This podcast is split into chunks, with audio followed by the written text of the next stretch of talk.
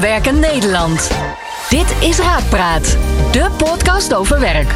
Andreas Bouwman van Raakpersoneel stelt een werkexpert rake vragen over solliciteren, salaris, carrière, promotie, collega's, werkplezier en andere werkgerelateerde zaken. Moet je per se diploma's hebben voor een succesvolle loopbaan? Hoe voorkom je een burn-out? Is inclusiviteit een hype? Leg je werk even neer. Het is tijd voor Raakpraat. Een kleine disclaimer voorafgaand aan deze podcast. Deze podcast is een aantal maanden geleden opgenomen. Sindsdien heeft Selim zijn dienstverlening aangepast. Hij focust zich nu meer op e-learning. Wil je precies weten wat Selim nu doet? Check dan zijn LinkedIn-profiel. Dit is de podcast Raakpraat. Hartelijk welkom, mijn naam is Andreas Bouwman en vandaag heb ik Selim te gast van Blue Lens. Selim, van harte welkom. Yes, dankjewel voor de uitnodiging. Nou, ik begin met de vraag die ik eigenlijk al mijn gasten als eerste stel. Die vraag is: Selim, toen jij op de basisschool zat, of misschien al op de middelbare school, wat wilde jij toen worden? Ja, eigenlijk was het eerst piloot. Ik was echt gefascineerd met de luchtvaart en nog steeds eigenlijk. Daarnaast had ik ook een enorme interesse in uh, commercie, een stukje ondernemerschap. Sterk nog, ik was eigenlijk geobsedeerd met ondernemerschap voordat ik dat woord überhaupt kende. Ja. Dus ik was toen al op een hele jonge leeftijd bezig met speelgoedautootjes verkopen. En uh, met de winst weer andere auto's uh, ja, inkopen en vervolgens verkopen, marketingborden uh, maken. En ja, dat was voor mij een fantastische hobby om mee bezig te zijn. En, oh, hoe oud was je toen ongeveer? Toen ik, Ja, dat was net aan het einde van de basisschool, denk ik. Of, of misschien wel eerder zelfs. Maar ja, als kind, kind af aan vond ik dat natuurlijk super leuk. En toen kwam ik op de middelbare school en toen dacht ik van hé, hey, ik zie dat. Uh, toen was er net een nieuwe telefoon uitgekomen en toen ja, was iedereen daar naartoe overgestapt. En toen dacht ik van hé, hey, uh, die personen hebben natuurlijk ook allemaal hoesjes nodig. Uh, dus ja. waarom ga ik niet naar AliExpress, koop ik niet even heel veel hoesjes in en die ga ik dan allemaal klasgenoten verkopen. Ja, natuurlijk, als ik er achteraf op terugkijk, is dat niet echt, echt ondernemerschap natuurlijk. Maar het is, een begin, het is een begin geweest. En ja, sinds toen vond ik het wel super tof om ermee bezig te zijn ja, uiteindelijk was ik dan 15, 16 en toen was ik echt aan het kijken van oké, okay, hoe kan ik een echte ondernemersavontuur uh, gaan starten. En toen kwam ik al in aanraking met een aantal ondernemers via het programma uh, Zomerondernemer. En toen hoorde ik al van ja, er is een groot probleem op de freelance markt. Want ja, er was onvoldoende transparantie en, en dergelijke. Maar, maar daar ja, zullen we het straks nog wel over hebben inderdaad. Zeker Selim, want je gaat nou voor mij wel heel snel. Want je zegt inderdaad van, ik, dat is niet echt ondernemen. Maar ik vind het toch wel echt ondernemersbloed als jij al met je oude speelgoedautootjes gaat zitten handelen en met hoesjes gaat bestellen bij Ali. Kan je nog voor de geest halen wat je toen het leukste of het gaafste vond om te doen? Was dat het maken van de deal, het, het, het verdienen van wat geld of je klasgenoten overtuigen? Wat, wat vond je er nou zo leuk aan? Ja, eigenlijk waren er een aantal zaken. En uh, destijds lees, las ik natuurlijk ook een aantal ondernemersboeken. En uh, dat ja, inspireerde mij natuurlijk ook heel erg. Doen ook niet alle kinderen. Hè? Nee, natuurlijk. Maar een aantal onderdelen van het ondernemen vond ik echt fascinerend. Uh, een van die dingen is natuurlijk uh, strategie. Dus ik noemde bijvoorbeeld al de hoesjes. En ik kwam daarop omdat dus een nieuwe telefoon uh, op de markt kwam. En toen dacht van oké, okay, diegenen hebben hoesjes nodig. Ander dus, model. Ja, ander, ik ga daar inderdaad ja. op uh, inspelen. Dus dat vond ik fascinerend. Maar ook als het gaat om... Want vond ik wel grappig dat ik destijds dan ook garanties aanbood. Dus uh, het oh ja? van ja, als, je, als je een maand niet tevreden, na een maand niet tevreden bent, dan krijg je gratis een nieuwe. En toen stond ik wel bekend om Selim die goede service verleent. En dat, ja, ik vond dat wel altijd tof om... Dat is nog steeds iets wat ik vandaag de dag meeneem. Goede service bieden. Dus eh, dat zat er al sinds de jongs af aan in. En hoe had je dat bedacht, voordat we verder gaan naar het serieuze gedeelte. Maar hoe had je bedacht van, hey, die service, die, die maandgarantie is eigenlijk best wel belangrijk. Ja, ja ik wist natuurlijk wel dat uh, die hoesjes die gaan wel langer dan een maand mee. Ja. Uh, maar ik wist ook dat wij als kinderen destijds vooral heel erg extra onzeker waren als het gaat om, om een aankoop. Want we hadden natuurlijk minder geld te besteden. Ja. Dus die hardverdiende geld van, van bijvoorbeeld je bijbaan in de supermarkt. Ja, die wilde je wel gewoon goed besteden. En als dan een hoesje kapot zou gaan, dan zou je wel graag een uh, nieuwe willen. Dus toen kwam ik daarop. En uh, ja, zo is het eigenlijk begonnen. Ja. Dus um, als ik het goed begrijp, nou ja, als kind wilde je graag piloot worden. Je kreeg wat ervaring met, uh, met ondernemersactiviteiten. Yes. Nou, laten we zeggen, puber, 15, 16 was. Wist je toen al wat, wat concreter wat je wilde gaan worden? Ik wilde dus echt ondernemer gaan worden. Dat zei ik ook altijd tegen mijn docent alleen. Dus dan zei ze van, ja, wat wil je dan gaan doen? Ik zei, ik ondernemer, maar ik weet nog niet wat. Uh, dus zo heb ik een paar jaar de, uh, rondgelopen. Wat voor, wat voor opleiding deed je toen eigenlijk? Um, ik zat toen nog op de middelbare school natuurlijk. En uh, vervolgens ben ik een opleiding marketing gaan doen. Ja, marketing vond ik ook heel erg fascinerend. En dat is ook een belangrijk onderdeel van een bedrijf natuurlijk. Maar daarvoor al, dus voordat ik mijn opleiding marketing deed, dus echt op de middelbare school al, was ik al bezig met oké, okay, ik wil ondernemer worden, maar hoe en wat, geen idee nog. Ja, precies. En toen dacht we, nou ja, marketing is gewoon een goede basis, want onderdeel van het, nou ja, ja nee, het verkoopproces. Ja, en toen was het dus uh, de zomervakantie aangebroken. Ik was klaar met mijn middelbare school. En toen had ik me aangemeld voor het programma uh, Zomerondernemer. Dat is dus echt een, een programma waar je als uh, jonge ondernemer of ondernemer de opleiding natuurlijk een aantal workshops krijgt van ervaren ondernemers. Oh, gaaf. ik ken dat helemaal niet. Ja, nee, dat is een heel tof initiatief. Dat heb ik in Rotterdam, daar heb ik daaraan meegedaan. En ja, toen kwam ik dus ook in gesprek met die ondernemers. En toen kwam ik ook in aanmerking met LinkedIn en dat soort zaken. En toen ging er echt een wereld voor me open. Dacht ik van wow, ik kan ja. in twee minuten mijn uh, idool een berichtje sturen. En uh, ik krijg ook nog een reactie op. Hoe tof is dat? Ja. Dus toen is daar echt een wereld voor me open gegaan. En ben ik heel erg uh, actief bezig gegaan met... Weet je nog wie je gesproken hebt toen als ondernemer? Ja, er zijn een aantal ondernemers die mij echt nog zijn bijgebleven. Een van die, die ondernemers is Wesley Dos Santos. hij had een, tenminste hij heeft nog steeds een verhuurbedrijf van, van elektrische boten in Rotterdam. En een aantal andere, ondernemingen. En wat ik zo tof vond is dat hij een jong ondernemer was die een enorme drive had. En daar herkende ik mezelf in. Maar hij gaf ook al van aan van ja, ik wilde ook gaan ondernemen, maar ik wist nog niet wat en hoe. Dus ik dacht, oké, het is toch wel iemand waarmee ik mezelf kan vergelijken. En uiteindelijk was dat wel tof om uh, iemand te hebben om naar op te kunnen kijken. En, uh, dan hadden ze ook bepaalde lessen, dingen die waar ze voor je waarschuwden. Nou, als je gaat beginnen, kijk dan uit hiervoor. Of doe dit vooral wel, of doe dit vooral niet. Ja, we hebben in principe heel veel diverse lessen gehad. Uh, dus echt van boekhouding tot aan strategische marketing, tot aan je. Ja, wat eigenlijk door elk bedrijf wel gezegd wordt, je why. Hè? dus je, je kernwaarden bepalen natuurlijk.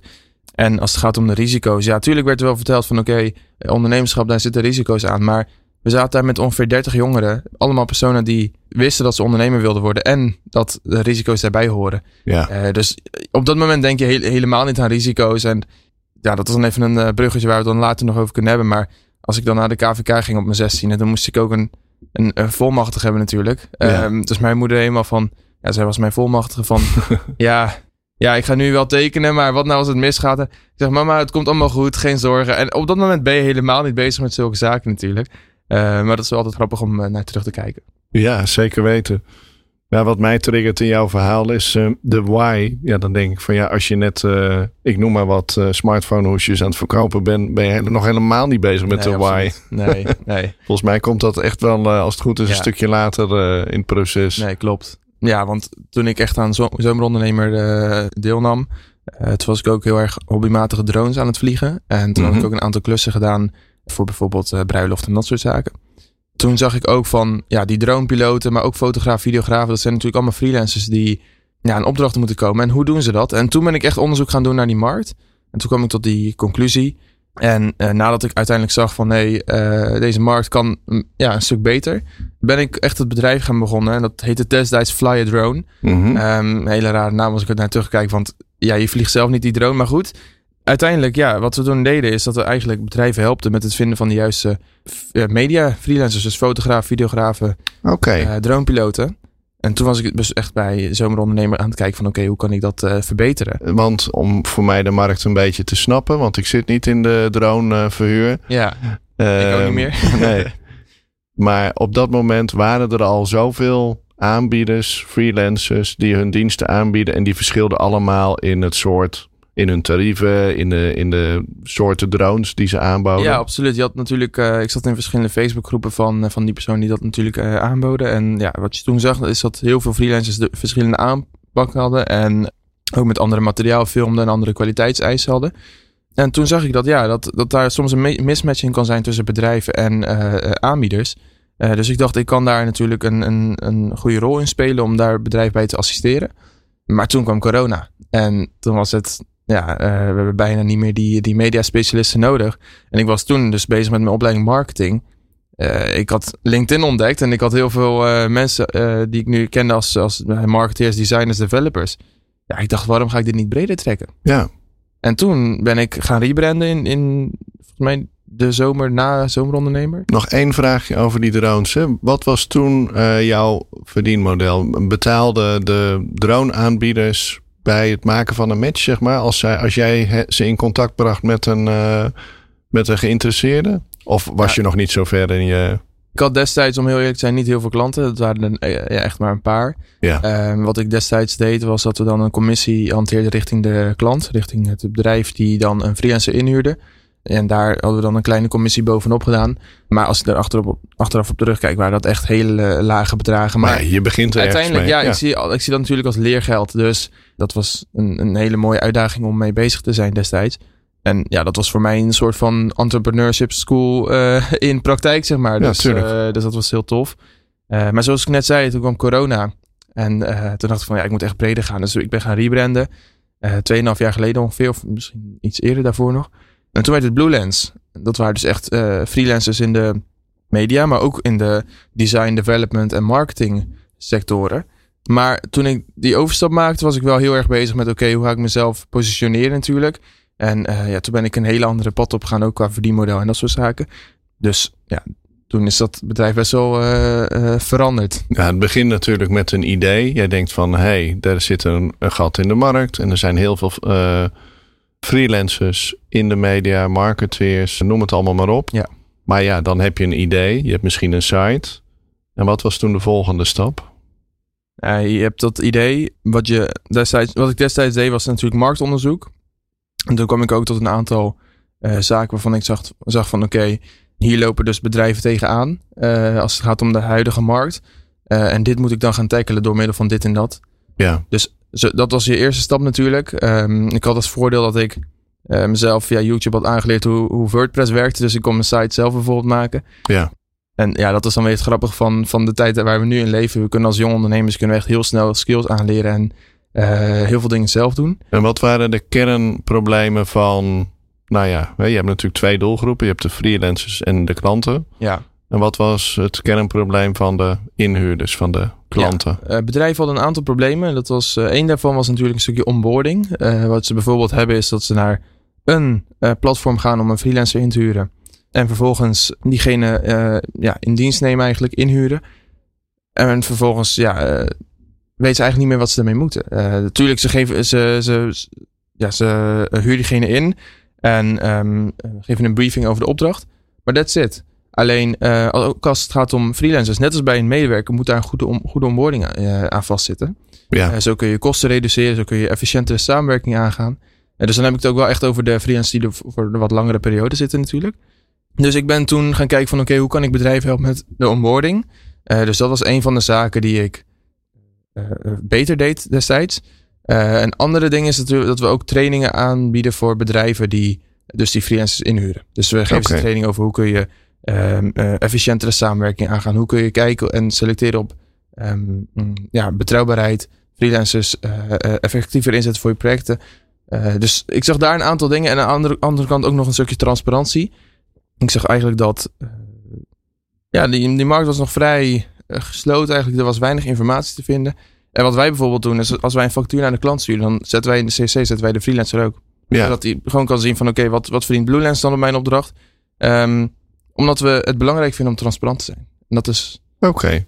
Ja, want ik kan me voorstellen als inhuurder, dan uh, ga je naar een site en dan zie je een foto misschien en drie regels tekst. En uh, deze persoon is heel goed in, uh, in foto's maken of in video's maken of ja. in en dan ken je iemand natuurlijk eigenlijk nog niet. Je weet niet of die bij je bedrijf past, of die die klus wel helemaal zelfstandig kan doen. Uh, ja, je weet eigenlijk nog heel weinig. Hoe zorg je nou dat als ik een inhuurder ben en ik heb een, uh, nou ja, een videomaker nodig of een, iets wat jij aanbiedt, dat dat ook matcht, dat Ja. dat mijn behoeften vervult? Ja, echt dat eh, culture fit is voor ons een heel belangrijk eh, onderdeel. Eh, wat wij eigenlijk proberen te doen is, dat is, ja, we houden het echt zo persoonlijk mogelijk. Dus wat wij het liefst doen is dat wij of langs gaan bij het bedrijf of online ook echt kennis maken met het bedrijf om te kijken van oké, wat voor team zit daar nou en wat voor sfeer zit daar.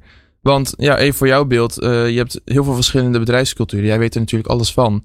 Eh, en dan is het belangrijk om te kijken van oké, welke freelancer past daar goed bij. Eh, wat hebben we gedaan? We hebben een soort van module ontwikkeld waarbij we kunnen kijken van oké, dit is freelancer X, Y, Z. En daarachter staat dan ook van wat voor cultuur heeft hij meegemaakt. Ik ga niet iemand die bijvoorbeeld heel veel voor e-commerce brands heeft gewerkt. Ga ik niet bij een, um, bijvoorbeeld bij een overheidsinstantie. Die, ja, dat, dat gaat gewoon niet matchen. Uh, dus zo ja, hebben we daar wel in onze database een strenge filter op. zodat we uiteindelijk ja, kunnen, ervoor kunnen zorgen dat diegene goed bij, bij je bedrijfscultuur past. Ja, en wat kan die opdrachtgever dan doen? Zo iemand matcht qua bedrijfscultuur. Dat is een, dat is een cultural fit. Ja, en dan die onboarding. Wat vaak bij raakpersoneel in ieder geval gebeurt. Als er al een keer een ZZP freelance wordt ingehuurd. Ja, dan is dat niet per se een onderdeel van je team. Omdat je hebt een vast team. En dan heb je iets wat je niet kunt. Daar huur je dan de ZZP'er, de freelancer, de expert voor in. Ja. Ja, dat is in principe natuurlijk ook de manier, tenminste uh, hoe het freelance is ontstaan. Alleen wat ik zo jammer vind is dat bijvoorbeeld de freelancer die dan een, een aantal maanden of een aantal jaar daar zit, dat die dan niet uitgenodigd wordt voor bedrijfsfeestjes. Dat die dan geen uh, kerstpakket ontvangt. En dat die dan echt als een, iemand extern wordt gezien. Terwijl, uh, dat is dan een andere uh, soort van trademark dat wij hanteren. En dat zijn dus echt next level betrokken freelancers. Dus de freelancers die wij leveren, die zijn daar echt om 110% zichzelf in te zetten voor het bedrijf. dus eigenlijk op hetzelfde niveau als wat een medewerker zou doen. dus als ze echt onderdeel worden van dat bedrijf. En ik vind dat dus heel erg jammer dat dat af en toe nog gebeurt. En wij proberen onze opdrachtgevers echt op de hoogte te stellen van. En te stimuleren om diegene beter bij het team te betrekken. Uh, en daarom is zo'n onboarding juist zo belangrijk. En is het dan ook je bedoeling om een duurzame match te realiseren? Dat iemand wat langer bij zo'n opdrachtgever werkt? Ja, absoluut. En uiteindelijk is het ook zo dat als jij ergens zit waar je het heel erg naar je zin hebt. Dan heb je natuurlijk, ja, dan ga je daar met heel veel plezier heen. lever je betere resultaten. En dat is voor zowel de opdrachtgever als voor de freelancer, als voor ons natuurlijk een, een absolute pluspunt. Dus ja, daarom streven we ook echt naar, naar die uh, duurzame relatie natuurlijk. Snap ik. En uh, ik kan me zo voorstellen dat er luisteraars zijn die in een gewone vaste baan zitten. En denken van ja, dat freelancen, dat lijkt me eigenlijk wel wat. Want ik wil verschillende opdrachtgevers, ik wil meer werkervaring opdoen of ik wil meer verdienen. Uh, er zijn natuurlijk allemaal redenen om, om te gaan freelancen. Ja. Als je nu in loondienst zit, wanneer zou je wel freelancer moeten worden en wanneer zou je het eventueel niet moeten doen? Ja, uiteindelijk heeft dat natuurlijk te maken met de persoonlijke situatie van die persoon. Uh, alleen wat wij wel vaak zien is dat ja, freelancers die nu heel erg in trek zijn, die, die echt uh, gewenst worden vanuit de markt, zijn echte specialisten die bijvoorbeeld een aantal jaar ervaring hebben opgedaan op een specifiek onderdeel. Uh, dus laten we bijvoorbeeld zeggen een SEO-specialist.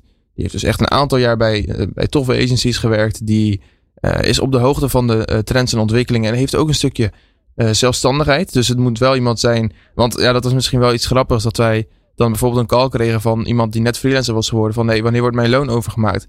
En dan zeiden we, ja, zo werkt dat niet. Oh, dat was echt een serieuze ja, ja, vraag. Dat, dat, dat, ja, dat ja. werd dus echt door het bedrijf verteld. Van ja, je moet wel een factuur sturen natuurlijk. Uh, en daar proberen we de freelancer ook in te begeleiden. Dus dat is, ja, dat is niet erg.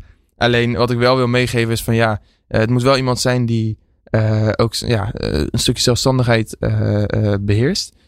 Snel kan, kan, kan switchen binnen verschillende ondernemingen. als freelancer ben je misschien voor twee, drie, vier opdrachtgevers tegelijkertijd bezig. Ja, dan moet je wel continu kunnen switchen. Maar ja, uiteindelijk, het moet, moet wel echt een expert zijn binnen zijn of haar vakgebied. En wat we nu ook heel veel zien, is dat natuurlijk dat heel veel jongeren direct als freelancer aan de slag gaan. Dat kan natuurlijk ook. Maar dan heb je wel een andere route die je bewandelt. Uh, want dan ja, zit je natuurlijk ook op lagere uurtarieven. En daar is ook over het algemeen wat minder behoefte aan. Uh, maar uiteindelijk, ja, het is een hele grote markt. En heel veel bedrijven hebben natuurlijk uh, heel veel diverse wensen. Dus het is een beetje lastig om te zeggen van ja, wie Snap moet er wel of niet freelancen. Nou ja, ik denk dat er bijvoorbeeld, ja, als je het hebt over starters op de arbeidsmarkt. En je gaat starten als, hè, je, dan zie je er wat risico's wat minder. Ja. En stel je bent 18 of je bent 25 en je bent nog niet heel volwassen in, in, in alle aspecten. Ja, dan denk je misschien uh, helemaal niet na over een pensioen. Ja, laat staan arbeidsongeschiktheid. Klopt. En dan denk je, nou, dat is een mooi uurtarief, uh, 40 euro. Dat uh, verdien ik heel veel geld in de maand. Maar ja, als er dan wat gebeurt, of je kunt niet werken en je bouwt geen pensioen op. Ja. Is dat geen, geen serieus risico? Ja, een van de grootste valkuilen die we natuurlijk nu zien is dat, zoals je net al zei, uh, dat dat uurtarief eigenlijk als netto winst wordt meegenomen. En dat ze dan ook ja, een groot gedeelte daarvan uh, gaan investeren in andere zaken. En natuurlijk, ik stimuleer ook om, dat, uh, om je inkomsten te investeren in je eigen onderneming en je persoonlijke kennis. Maar er is ook echt wel een regel dat je ja, natuurlijk een gedeelte van je inkomsten moet, moet sparen voor het geval dat het misgaat. En dat kan ook zomaar zo zijn dat je bijvoorbeeld of een half jaar zonder opdrachten zit. Of dat je bijvoorbeeld een ander, ja, zoals je net al zei, arbeidsongeschiktheid. het kan je zomaar overkomen. We, we, denken daar vaak makkelijk over, maar het kan zomaar natuurlijk anders aflopen. Nou, ook als ehm, jongere kun je een ski-ongeluk krijgen, een longontsteking. Of ja, dat je een paar weken of een paar maanden uit de running bent. Ja, nee, inderdaad. Uh, wat we daar dan wel zien als trend is dat er heel veel personen zijn die bijvoorbeeld twee, drie uh, dagen per week, die gaan dan in loondienst. En de andere één tot twee dagen dan gaan ze freelancen. En dan hebben ze wel een betere balans tussen ja, een stukje uh, zekerheid en extra inkomsten. En dan kan je natuurlijk je extra inkomsten vanuit je freelance onderneming een stuk makkelijker investeren. Maar ja, als je echt dedicated wil freelancen, dan moet je zeker rekening houden met een aantal belangrijke factoren. En toen jij Blue Lens oprichtte, was het toen lastig om ofwel die freelancers ofwel die klanten om daar interesse te wekken uh, van, voor jouw platform bij jouw doelgroepen? Of was dat uh, vrij simpel? Ja, in principe heb je natuurlijk een bestaande markt. freelance platforms zijn niet iets nieuws. Alleen wij deden natuurlijk op een hele andere manier. Wat je dan wel moet creëren is een stukje bewustzijn onder je ideale doelgroep. Hè. Ze moeten wel op de hoogte zijn van uh, dat jij bestaat en dat soort zaken. Dus we hebben heel veel moeten investeren in duurzame relaties en, en marketing natuurlijk. Uh, maar aan de andere kant, ja, ik um, was natuurlijk ook op een jonge leeftijd begonnen. Je moet jezelf toch wel weten te bewijzen natuurlijk. Dus wat wij nu heel erg hebben gedaan, is dat wij heel erg hebben geïnvesteerd in die, die relaties. Uh, dus dan deden we altijd meer dan dat er van ons gevraagd werd. Om uiteindelijk die klant ja, te laten zien van hoe overtuigend onze, onze krachten zijn. Want ik denk dat het in het begin is dat best wel lastig, omdat je zowel. In het begin heb je natuurlijk niks. Dan heb je geen freelancers en geen klanten. En ja, als je wil bemiddelen, dan heb je ze allebei nodig. Dus ja, dat nee, absoluut, absoluut. Kijk, LinkedIn is daar natuurlijk wel heel erg krachtig voor. Uh, maar het was zeker lastig om uh, ja, je start te maken. Maar gelukkig weet ik wel dat als je dan heel veel organisch post, bijvoorbeeld op LinkedIn, ja. Uh, ja, je wel heel veel kunt bereiken. Bijvoorbeeld, ik heb in het afgelopen jaar heb ik dan heel veel eh, consistent gepost, twee tot drie keer per week. En ja, nu begint dat echt zijn eh, vruchten af te werpen na 2,5 jaar.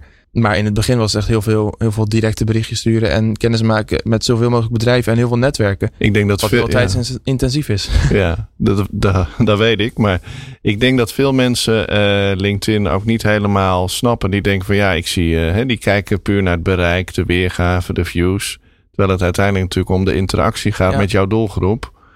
Hoe zie jij dat? Waar, hoe heb jij LinkedIn concreet ingezet om in contact te komen met die mensen? Ja, ik zie uh, LinkedIn niet echt als een salesmachine uh, op zichzelf. Uh, maar ik zie het wel als een geweldige middel om in contact te komen met nieuwe personen. En ook tot nieuwe inzichten te komen bijvoorbeeld. Maar ja, LinkedIn blind staan op cijfers is heel erg lastig. Want wat ik zelf heb gezien is bijvoorbeeld dat heel veel van mijn LinkedIn posts die ik plaats. die hebben offline hebben die veel invloed. Dus wat bedoel ik daarmee? Ik was een paar weken geleden was ik weer in Amsterdam op een netwerkclub. Mm en toen kregen we ook een training, et cetera, et cetera. En uh, na afloop uh, kwam ik een aantal mensen tegen en die zeiden van... hé, hey, ik zag laat je post. En toen zijn we een heel gesprek erover aangegaan. Maar toen keek ik later nog even op LinkedIn en toen zag ik dat diegene helemaal niet eens een like of een reactie of een comment of whatever heeft achtergelaten. Ja. Maar uiteindelijk heeft hij het wel gezien. En dat is het allerbelangrijkste. Onder de aandacht blijven, onder je doelgroep. En ja, dat is gewoon super waardevol. Ik denk dat mensen juist vaak afhaken, hè, de posters, degene die bijdrage plaatsen, doordat ze niet die interactie dan zien. Dan denk ze, ik heb maar zeven likes en uh, twee commentaren van, uh, van één familielid. Ja, absoluut. Ja, het waren alleen maar uh, familieleden die, die mijn posts likten. Maar ja, uiteindelijk, ja, je moet gewoon heel lang ja, ermee bezig blijven. En op, op een gegeven moment ja, heb je er wel echt dat je denkt van, oké, nu heb ik er echt wat aan. Ja. Ehm, maar het is ook heel herkenbaar wat je zegt van, ik heb ook dat soort reacties gehad van mensen van, nou ja, ik volg je altijd en ik lees, oh, wat, wat heb je toen weer geschreven? En die liken helemaal nooit. Nee. um, dus dat is op zich wel herkenbaar. Hey, ja. um, Blue Lens.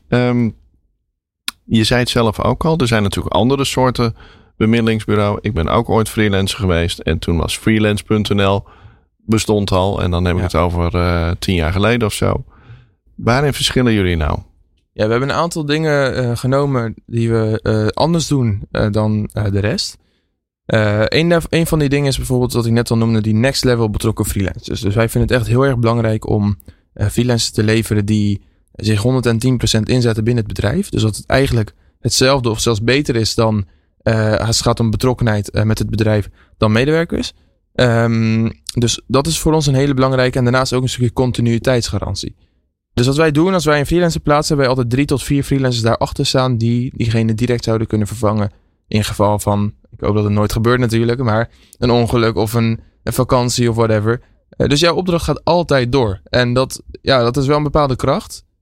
Uh, zelfs, op, zelfs bij vakantie dus. Dus ja, je hebt uh, drie maanden iemand ingehuurd en die heeft twee weken een vakantie al geboekt bijvoorbeeld. Dan ja, het is natuurlijk niet voor elk bedrijf even relevant. Maar we hebben bijvoorbeeld heel veel agencies. Die hebben de, bijvoorbeeld een copywriter die ze inhuren. Ja.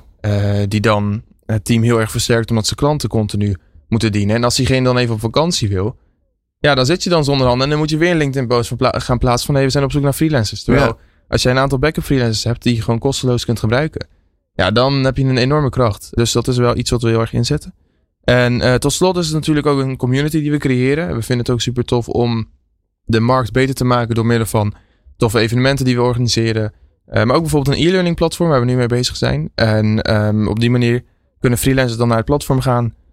Uh, cursussen kopen of ja, bekijken, studeren die ze interessant vinden. Om zichzelf, beter ja. ja, om zichzelf verder te ontwikkelen. En ja, op die manier proberen we echt wel de markt beter te maken. En ja, het is natuurlijk een super grote markt. Dus er is wel ruimte voor iedereen. Al proberen we allemaal ons best te doen om de markt een stuk beter te maken natuurlijk. En uh, ontwikkelen jullie uh, e-learning platforms helemaal zelf? Dus ook wat er geleerd wordt, is dat ook in eigen... Ja, in principe wordt dat een uh, open platform. Dus er zijn ook heel veel freelancers die we bijvoorbeeld kennen die een eigen expertise natuurlijk op het platform kunnen aanbieden.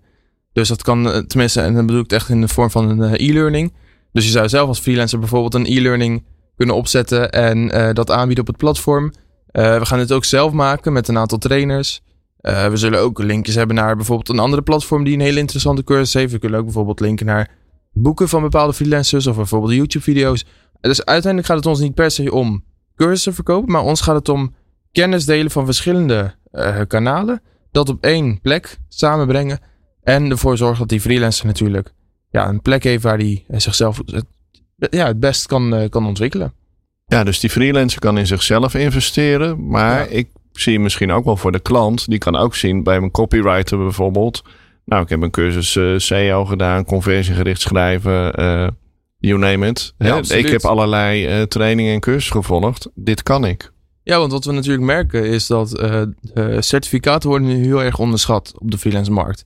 Alleen, soms hebben we bijvoorbeeld freelancers die dan geen opleiding hebben genoten, maar wel een aantal hele sterke uh, certificaten op zak hebben als het gaat om een vakgebied. Mhm. En die hebben soms zelfs een hogere voorkeur dan iemand die op, universiteit, uh, op een universiteit heeft afgestudeerd. Want het gaat om relevante kennis tegenwoordig en niet zozeer om ja, welke opleiding je, je hebt genoten. Nee, en dat herken ik ook wel. Want als ik kijk naar het vak van copywriting, ja, de beste copywriters. Nou, A is er volgens mij geen specifieke opleiding voor copywriters. Uh, als ik me niet vergis. B zijn de echt goede copywriters die ik ken. Ja, die hebben een hele andere opleiding misschien uh, gedaan of, of geen opleiding. Of die hebben het vak in de praktijk geleerd. Maar dat zijn wel degenen die converterende teksten kunnen schrijven. Ja, copywriters zijn meestal, en het, is niet allemaal zo, maar heel veel personen die, uh, die een content marketing achtergrond hebben. En die dan zich gaan specialiseren op het gebied van, uh, van schrijven, dus echt copywriting. en dat specifiek gericht op landingspagina's, converterende de teksten. En ja, uiteindelijk is dat wel een, een, bijvoorbeeld een hele mooie branche om als voorbeeld te nemen. Waarbij je juist heel veel cursussen kunt volgen om jezelf verder te ontwikkelen. Maar ja, echt een specifieke opleiding om jezelf als copywriter te ontwikkelen. Ja, die is er nog niet. Nee, precies. Hey, en als we weer teruggaan naar Blue Lens. Hoe zie jij de eventuele moeilijkheden en eventuele kansen in de komende, nou laten we zeggen, twee, drie jaar? Ja, er zijn nu een aantal uitdagingen als het gaat om marketing. Uh, we willen natuurlijk bijvoorbeeld aan de slag met uh, SEA, dus dat we uh, zoekwoorden inkopen op Google bijvoorbeeld. Mm Maar dan heb je dus te maken dat grote aanbieders zoals bijvoorbeeld een Fiverr daarop adverteren. En dan wordt het wel heel duur om daarop te zitten. Dus we moeten dan op andere kanalen gaan zitten. En dat maakt het wel lastig. Um, terwijl we eigenlijk indirecte concurrenten zijn van elkaar. Want we doen echt niet hetzelfde. Um, Zij hebben dat onboarding stuk niet, et cetera, et cetera. En het is een geweldig platform, begrijp me niet verkeerd. Maar zij hebben een hele andere doeleinden dan het wij hebben. Maar toch zitten we op dezelfde keywords te, concurreren. En dat vind ik uh, een, ja, een lastige uitdaging. Dus wij zitten echt meer op het organische stuk. Dus we schrijven echt, vind ik zelf dan, leuke artikelen. En uh, zijn continu bezig met, oké, hoe kunnen we onbetaald natuurlijk onze, ons terrein winnen op dat vlak. Kan je, zou je daar ook, hey, je had het net over de kracht van LinkedIn, de kracht van je community kunnen ja, inzetten? Absoluut, absoluut. Ja, dus je community is natuurlijk ook een heel belangrijk onderdeel. Maar ja, natuurlijk, er zijn natuurlijk een aantal uh, andere zaken die spelen op de freelance markt. En dat is bijvoorbeeld dat de overheid nu wil dat freelancers, ja, dat het eigenlijk minder aantrekkelijk wordt. Dus ja. ze zijn al bijvoorbeeld aan het kijken van oké, okay, hoe kan ik, hoe kunnen we belastingtechnisch het minder aantrekkelijk maken voor freelancers? Hoe kunnen we... Ja, want er zijn er meer dan een miljoen, ja, geloof ja, ik. 1,1 ja. miljoen op dit moment. En we zijn als uh, Nederland zijn we een van de koplopers in Europa. Als het gaat om freelancers. Kijk, je kunt zeggen van hè, de overheid wil het minder aantrekkelijk maken. Maar je kunt ook zeggen van ja, leuk al die freelancers, maar die betalen allemaal geen pensioen. Die lopen allemaal risico om ziek te worden. En dat gebeurt, ja, voor een individu is de kans klein, maar voor ons als samenleving zijn die risico's natuurlijk best wel groot. Ja. Als iedereen gaat freelancen, dan hebben we wel een probleem. Ja, ik zeg ook absoluut niet dat iedereen moet freelancen natuurlijk, maar het is wel zo dat we nu in een, in een, ja, een bepaalde een branche leven waarbij uh, ja, heel veel specialisten van buitenaf eigenlijk onmisbaar zijn. Uh, dus om nou alle freelance banen te schrappen vind ik echt heel, heel ver gaan. Uh, maar ja, om heel, heel eerlijk te zijn, ja. Maar een verplichte AOV bijvoorbeeld, dat zit volgens mij ook in de pijplijn, dacht ik. Ja, nou, dat soort dingen, dat is natuurlijk heel erg anders. Uh, ik denk dat dat, als het gaat om het ver, uh, verminderen van risico, dat het best wel nog interessant kan zijn. Want ja, je merkt zelf wel dat freelancers onvoldoende op de hoogte zijn van zulke zaken. Dus als dat dan verplicht wordt, dan, ja, dan moeten ze er wel aandacht aan besteden. Dat gaat dan weer natuurlijk een ja, weerspiegeling zijn op de tarieven die we, die we op de markt. Dus uiteindelijk is het een, een, ja, een interessante branche om op de hoogte van te blijven. Maar ja, het is nu ook heel erg lastig om daar uh, uh, echt iets over te zeggen. Maar stel dat het ietsje duurder zou worden, hè, doordat het, nou ja, uh, je noemt het onaantrekkelijk worden. Maar je zou kunnen zeggen dat, het, hè, dat je meer zekerheid gaat verplichten voor de, voor de freelancers. Nou ja, die zullen dan hun tarief inderdaad wat moeten verhogen. Ben je daar bang voor, laat ik het zo zeggen? Of denk je van, nou, ach, dat zal misschien wel iets doen op die freelance-markt, maar geen grote verschuivingen? Uh, eerder het tweede. Ik weet dat die uh, specialisten echt onmisbaar blijven op de markt. Uh, en ik weet ook dat wij heel erg ja, bouwen naar een bouwen voor een bepaalde community. En ook bijvoorbeeld wat ik net noemde, die, die e-learning platforms die we aan het opzetten zijn. Um, dat wij niet alleen afhankelijk zijn ook van, van, van freelance opdrachten. En uiteindelijk zeg ik ook van ja, je kan beter dan iets minder freelancers hebben, maar wel echt alleen specialisten die, die heel goed zijn in hun vak. Ja. Um, en ook dat kan weer kansen bieden. En aan de andere kant zijn we natuurlijk niet een hele grote organisatie met heel veel personeel en dat soort zaken. Dus wat dat betreft kunnen we ook heel erg makkelijk meegaan met de markt. Dat voordeel hebben we dan weer wel. Uh, dus nee, bang zeker niet. Uh, kijk er naar uit om uh, er wat moois van te maken. Ja, dat zeker wel. ja, nou ja, ik herken het ook wel hoor. Kijk, wij, ik heb bij raakpersoneel werken ook vijf, zes mensen op de marketing. Ja, en die zijn ook niet overal specialist in. En je hebt zoveel niche specia specialismes dat je altijd wel weer een uh, freelancer nodig kan ja. hebben. Een van mijn laatste vragen voor jou uh, persoonlijk. Ja, hoe zie jij je eigen toekomst? Heb jij nog bepaalde wensen, doelen? Ja, mijn wensen en doelen. Eigenlijk is het uh, dat ik mijn missie heb gemaakt van het verbeteren van de freelance markt. Dus ik denk wel dat ik heel lang bezig ben met ja, hoe ga ik deze branche beter en beter maken. Maar mocht het ooit zo zijn, en ik hoop het niet, uh, dat de markt compleet uh, ja, wegvalt. ja. Uh, ja, dan zie ik mezelf nog wel aan de slag gaan op ergens op een gebied van recruitment marketing. dat we weer ja, bedrijven helpen met, met sollicitanten. Maar mocht dat dan ook weer in een andere situatie verkeren, dan word ik lekker piloot. Dus wat dat betreft heb ik heel veel opties. maar ondernemerschap, dat, dat blijft er wel echt in zitten. En ik denk dat het gewoon een kwestie is van meegaan met de markt. En er het beste van maken. En uh, je ambitie zeker uh, erin blijven houden. Nou, super. Nou, als je uh, het helemaal zat bent als op het gebied van freelance, dan lijkt me recruitment marketing hartstikke interessant. Ook voor een volgende eventuele ja. podcast. Want daar doe ik zelf ook van alles mee. Maar daar hebben we nu geen tijd meer voor. Ik, ik dank jou hartelijk voor het gesprek. Ja, ja ook bedankt. Bedankt voor het luisteren naar Raakpraat. Binnenkort weer een nieuwe aflevering met Andreas Bouwman en een verse werkexpert. Meepraten? Check de show notes en abonneer je op onze podcast. Werk ze!